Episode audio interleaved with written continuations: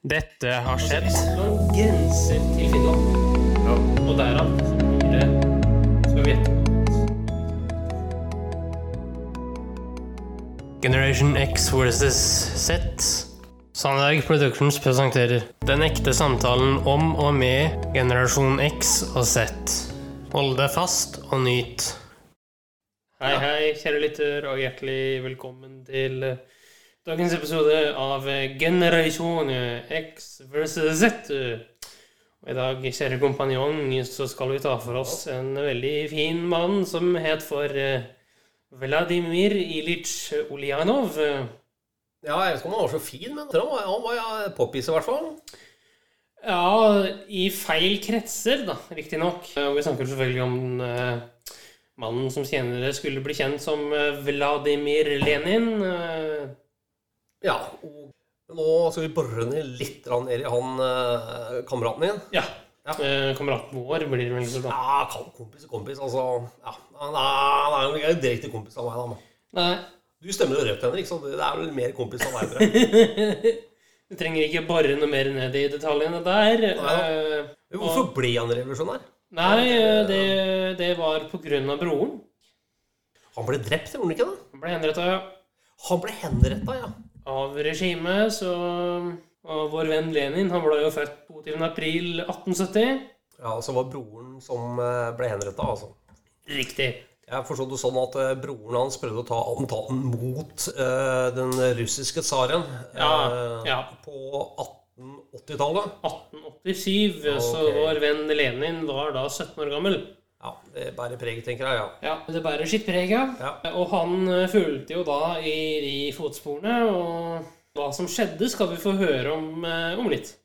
Men han, uansett politisk karakter man, man eh, består i, Ja. så er Olenin en s- Han må må jo betegnes som en stor leder, igjen for sånn at han, han ledet eh, verdens største land. ja. Og mannen Mm. Etter hva jeg har skjønt, Henrik, så var han ikke høy som deg. Eh, ja vel. Så 1,65. Yes. Så skal vi høre litt om eh, oppveksten til vår venn Lenin, da. Ja. hva skal vi høre på? Nei, det er et lite klipp som jeg har med til oss i dag. Mm. Jeg har flere sånne små klipp som vi skal høre på gjennom serien her. Og så skal vi legge et par spådommer senere i episoden. da. Perfekt. His mother, Maria, she was descended from a wealthy Jewish family who was Swiss German, so she taught him French and German at home. His father, Ilya, was the director of public schools for the entire province. They were considered to be hereditary nobility, and they were far more educated than the average Russian. This placed his parents in a group called the intelligentsia, who would debate over philosophy and politics in their spare time. Many of the members of the intelligentsia became politicians who helped shape the new laws of the nation, while others devoted their life to pushing for a Russian revolution. Vladimir and his older brother Alexander, they were no exception. Wow. Her gikk det unna på engelsk, Henrik. Det gikk fort, ja. Hei, veldig fort. Eh, og det oppsummerer egentlig bare det jeg sa i stad, med litt tilleggsinformasjon, da. Ja, han eh, til hver sånn da på den raske eh, greia her, så var han ganske skolert, han fyren her. Ja, eh, han kom fra et samfunnslag som var eh, såkalt honoraradel. Ja. Som vil si at man i dag kanskje vil anse det som eh, øvre middelklasse, da. Ja. Det begynner, ja, han, det begynner å ane en viss spenning her. Ja, og han eh, godeste Vladimir han var jo sønn av en skoleinspektør eh, også, så det bør jo si ganske mye. Ja da. Jeg tenker bare vi kjører et lite klipp til. jeg. Hva handler det om, Henrik? Ja, det handler jo litt mer om hans eh, liv og virke da, før revolusjonen. Ja, kjør på. He began his self education by reading Karl Marx and other revolutionary writers. He joined a Marxist study group where intellectuals met and discussed philosophy and the possibility of a Russian revolution. Karl Marx wrote that he believed an industrialized society would be the most likely to create a revolution because he believed that they'd want to rise up against commercialism. Vladimir Lenin rewrote a lot of what Marx was actually saying. Lenin wrote the idea that the revolutionary intelligentsia will guide the uneducated peasants. Even though the philosophy was labeled as Marxism all throughout the reign of the Soviet Union, it is now called Leninism because it really was his own personal ideas and not those of Karl Marx. Lenin joined a socialist group that gained access to a factory. There, they started handing out flyers to factory workers.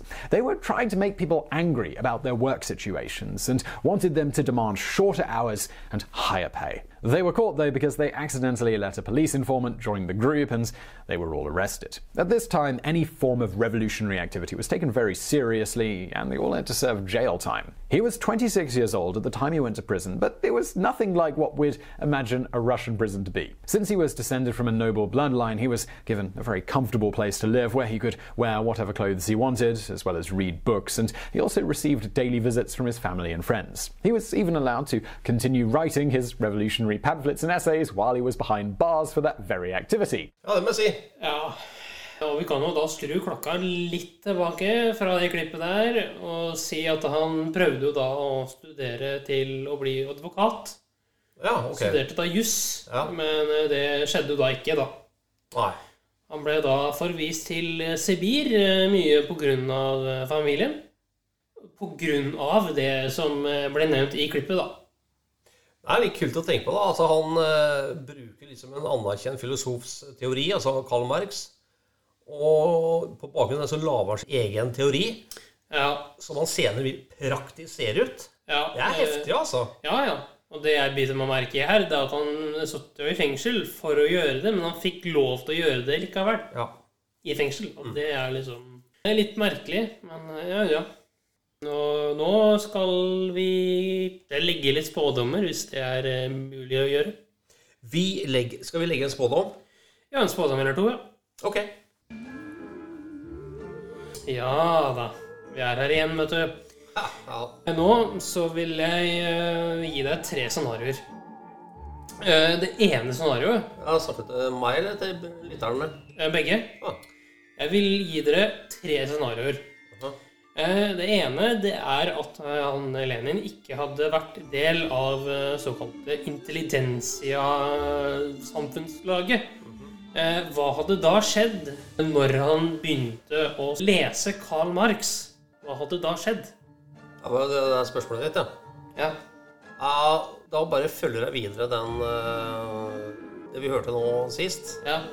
Om at han fikk jo privilegium når han satt i fengsel. ja men eh, det er ikke det jeg spør om. Nei. Det jeg spør om, er hva som hadde skjedd hvis han hadde begynt å lese Karl Marx, men ikke hadde vært fra en eh, adelig eh, slekt. Ja, det er et veldig godt spørsmål. Det spørsmålet er hvilke muligheter han da hadde fått og hatt. Ja. Eh, Det er jo det som er clouet, tror jeg, da. Så det Hva tenker du? Jeg syns det er vanskelig å svare på det. Ja, det er vanskelig å svare på, men det jeg tror, det er at han hadde blitt behandla som et samfunnsutskudd eh, i mye større grad enn hvis han ikke hadde blitt det, da. Ja, så han hadde ikke kommet så langt likevel. Nei. Nei. Godt Eh, poeng. og scenario nummer to Ja.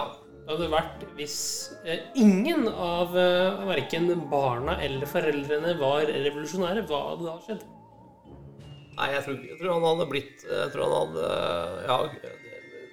Spørsmålet er hvilken side han hadde valgt, da. Det er spørsmålet én. Ja. Ehm, jeg tror du må svare på det, fordi du har, eh, du har de der eh, spådommene veldig klare i hodet, tror jeg.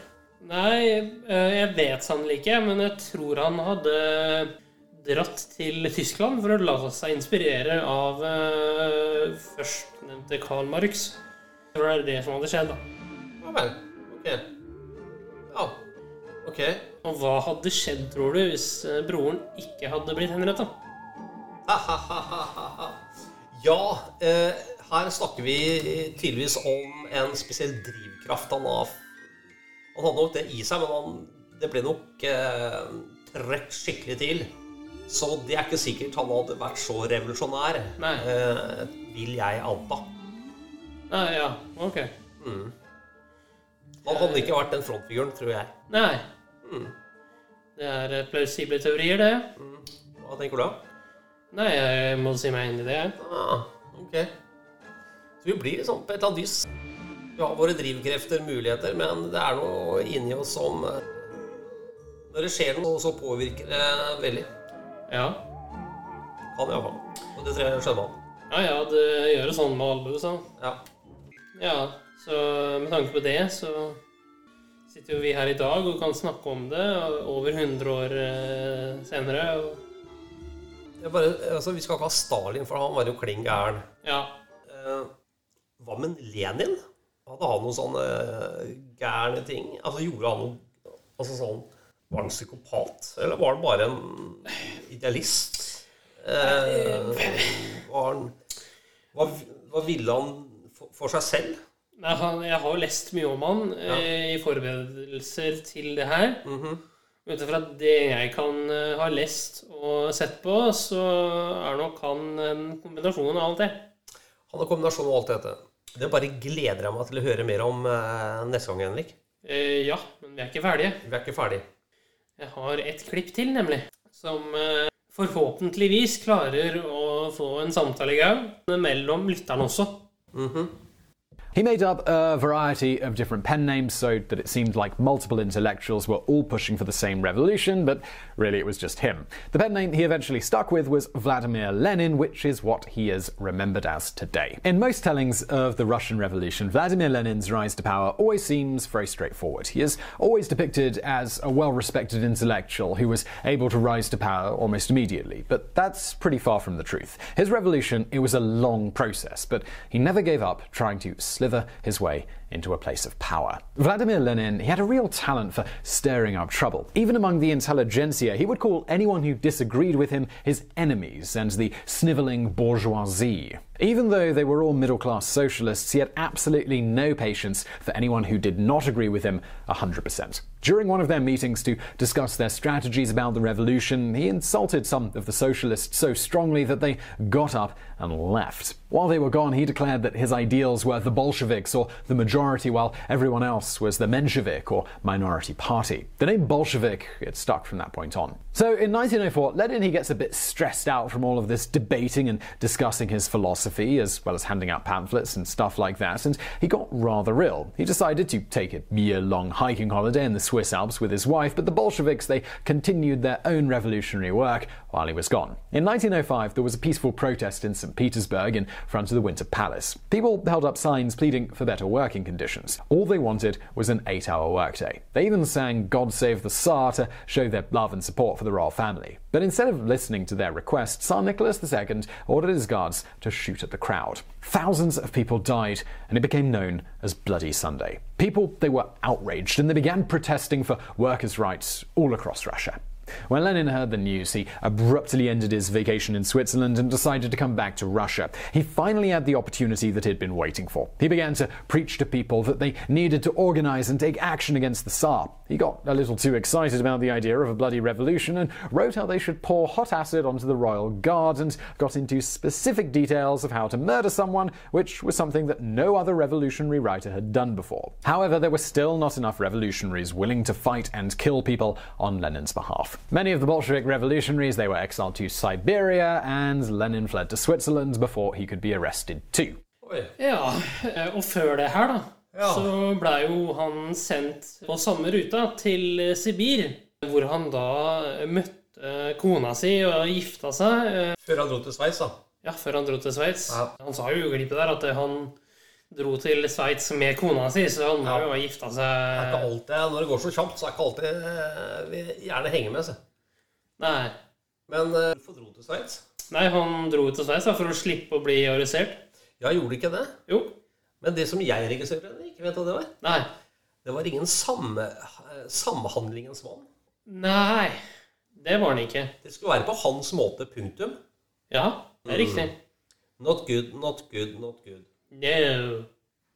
Ikke mine argumenter. Nei.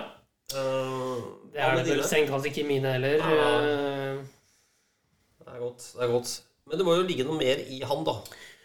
Ja, eh, og det skal vi komme mer inn på i neste uke, for da skal vi ta for oss del to. Det her er bare begynnelsen på dette isfjellet som heter eh, den russiske revolusjonen, Sovjetunionen, eh, Vladimir Lenin, eh, leninisme osv. Ja, det, jeg, jeg gleder meg til å høre noen historier. Sånne pikante historier fra en leder på det, det sjiktet. Ja, vi skal høre en historie som jeg syns var veldig morsom, og det var eh, under den russiske borgerkrigen. Ja. Det, var, det skjedde, og det var veldig gøy. Ja, skal vi Da høre om måtte det han stoppe, og da fikk han kjepper i hjula for ideologien sin, og da måtte han reversere. Ja, ok. Ja. Om han, da. Vi hører mer om han, og det gjør vi neste uke. Ja. Du, Henrik, vet du hva? Jeg har en perating i dag. jeg. Peratingsloven.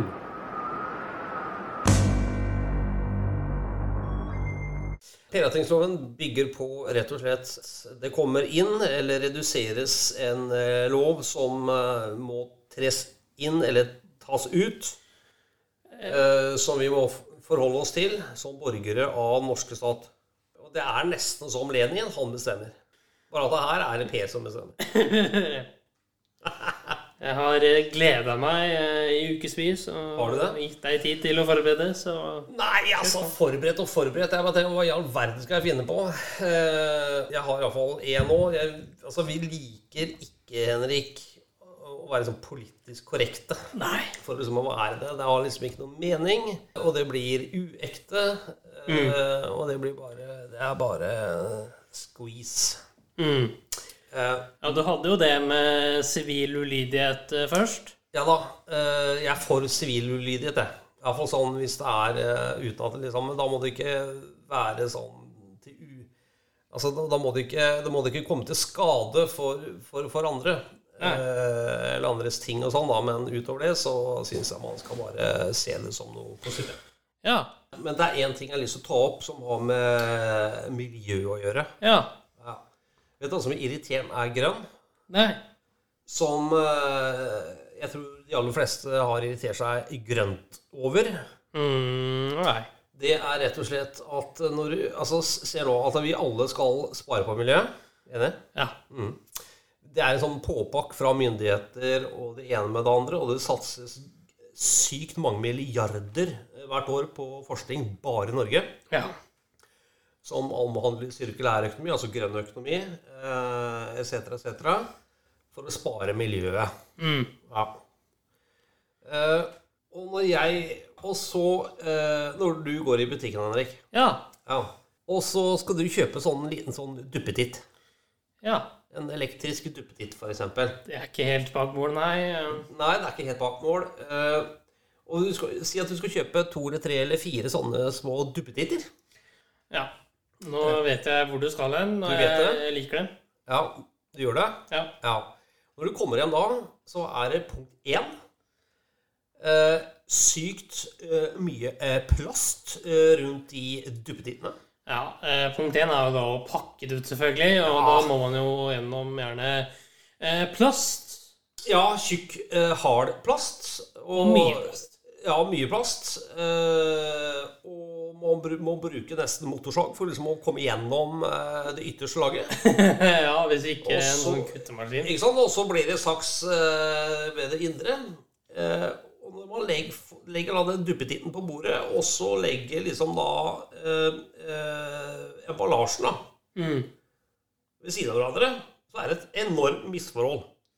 Ja, det er det jo. Hvorfor? Når alle skal spare på søppel, og ikke minst bruke minst mulig plast.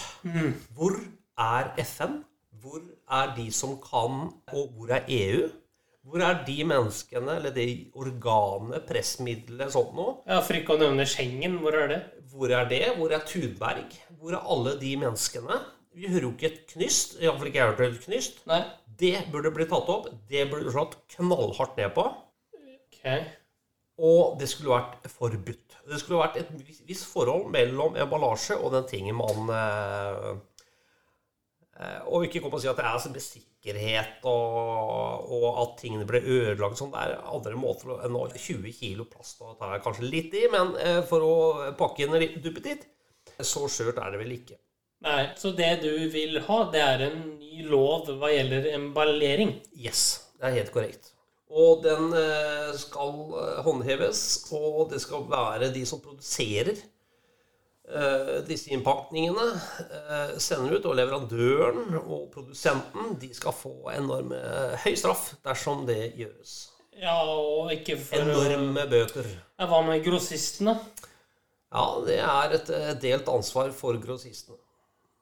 Så gr- Grossistene kommer ikke utenom. Ja, Men grossistene kan du ikke håndheve. Det må jo Jo, de må se til at de, eh, de tar inn eh, partier der eh, Partier som ikke har misforhold mellom emballasjen og eh, produktet. ja, Altså, jeg er jo i en situasjon hvor jeg håndterer ganske mye plast og papir og sånn gjennom jobben. Ja, hva tenker du da? Eh, og jeg ser det som eh, logistikkmedarbeider at det er veldig mye plast i bruk. Ja. Ikke som emballasje, men som produkt. ja. Og jeg mener at man eh, kan bruke metall, f.eks. Lettmetaller, da? eller? Ja, sånn Tre, aluminium, trær, ja. stål ja. Det er noe tyngdeøre, da, kanskje? Jeg vet ikke hvordan det funker. jeg. Ja. Jeg er av den oppfatning at man kan bruke metaller istedenfor plast. Ja. Men eh, hva skal straffen ligge på til eh, grossist? Eh, ja, det må være forholdsmessig. Det vil si Det har jeg ikke svar på her og nå. nei, Men, eh, men det, det, skal, det skal ikke liksom være Det, det, det skal svi. det skal svi, ja. Det skal svi. Og Så det vi må skal- opp i flere millioner for at det Ja, skal det, merkes. det er avhengig av. Det kan være. Det skal svi. Ja. Det skal svi skikkelig. Og så mener jeg også at man skal vurdere hvis det er enorme kvanta. Ja. Eh, eller, eh, så bør man også vurdere fengselsstraff. ja. eh, ti- Hvem da? Skal få Nei, altså det, det leverandør, eh, min, Altså leverandøren, produsentene Ikke produsentene, ja. Leverandørene, eh, grossistene Og ikke bare ta liksom forbrukeren. For, forbrukeren har ofte ma mange ganger ikke noe valg. Ja, men Forbrukeren har veldig mye makt. Jeg er enig, enig at forbrukerne har, har enorm makt, men eh, Eh, og det har man jo bevis på, gjerne gjennom eh, sånne programmer som eh, TV2 hjelper deg og sånne ting. da. Ja, altså det vi kan gjøre, Henrik, vi kan lage en sånn en, eh, Vi kan lage masse sånne Der kommer sivil ulydighet inn, vet du. Ja. Ikke sant? Tenk deg de eh, Altså, vi, sier jeg. Jeg er langt, langt unna 70, jeg, altså. Bare for den ene gutten min. Eh, men jeg bare tenker at hvis altså Sett nå at de over 70, da. De lager sivil ulydighet ikke bare i Norge, men eh, ellers i Europa, og, og det blir en bølge av det. Først da tror jeg det kan skje noe. Ja, Så din visjon er å spre emballeringsloven internasjonalt? Ja, det må bare komme eh, helt klart. Ja, vi må, vi må, jeg tror vi må bruke FN-systemet og, og EU på det her. ja. Ja, det er jo Lille Norge kan ikke gjøre så mye, vet du. ja, Men de kan jo påvirke Schengen og andre Ja, allianser sånn. ja, ja, ja, ikke sant. Men det, det var min greie. Ja.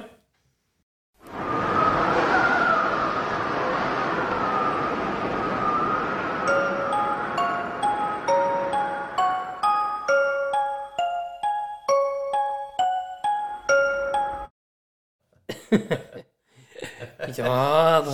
Det er deilig å få litt gørr. Ja. For all del. eh, Vi har jo brukt denne episoden her på å snakke om gørr Ja da. eh, mye. eh, Og nå så skal vi over i det litt mer humoristiske landskapet. Å, herlig. Få litt balanse.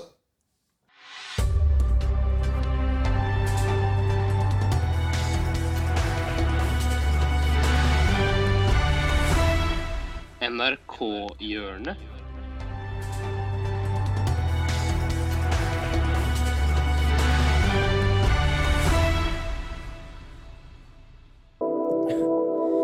Ja, i dag, kjære kompan, Ja, så skal vi over til en komikers ønske hva gjelder eh, sin siste likvisning. herre min fred. Du kaller det humor?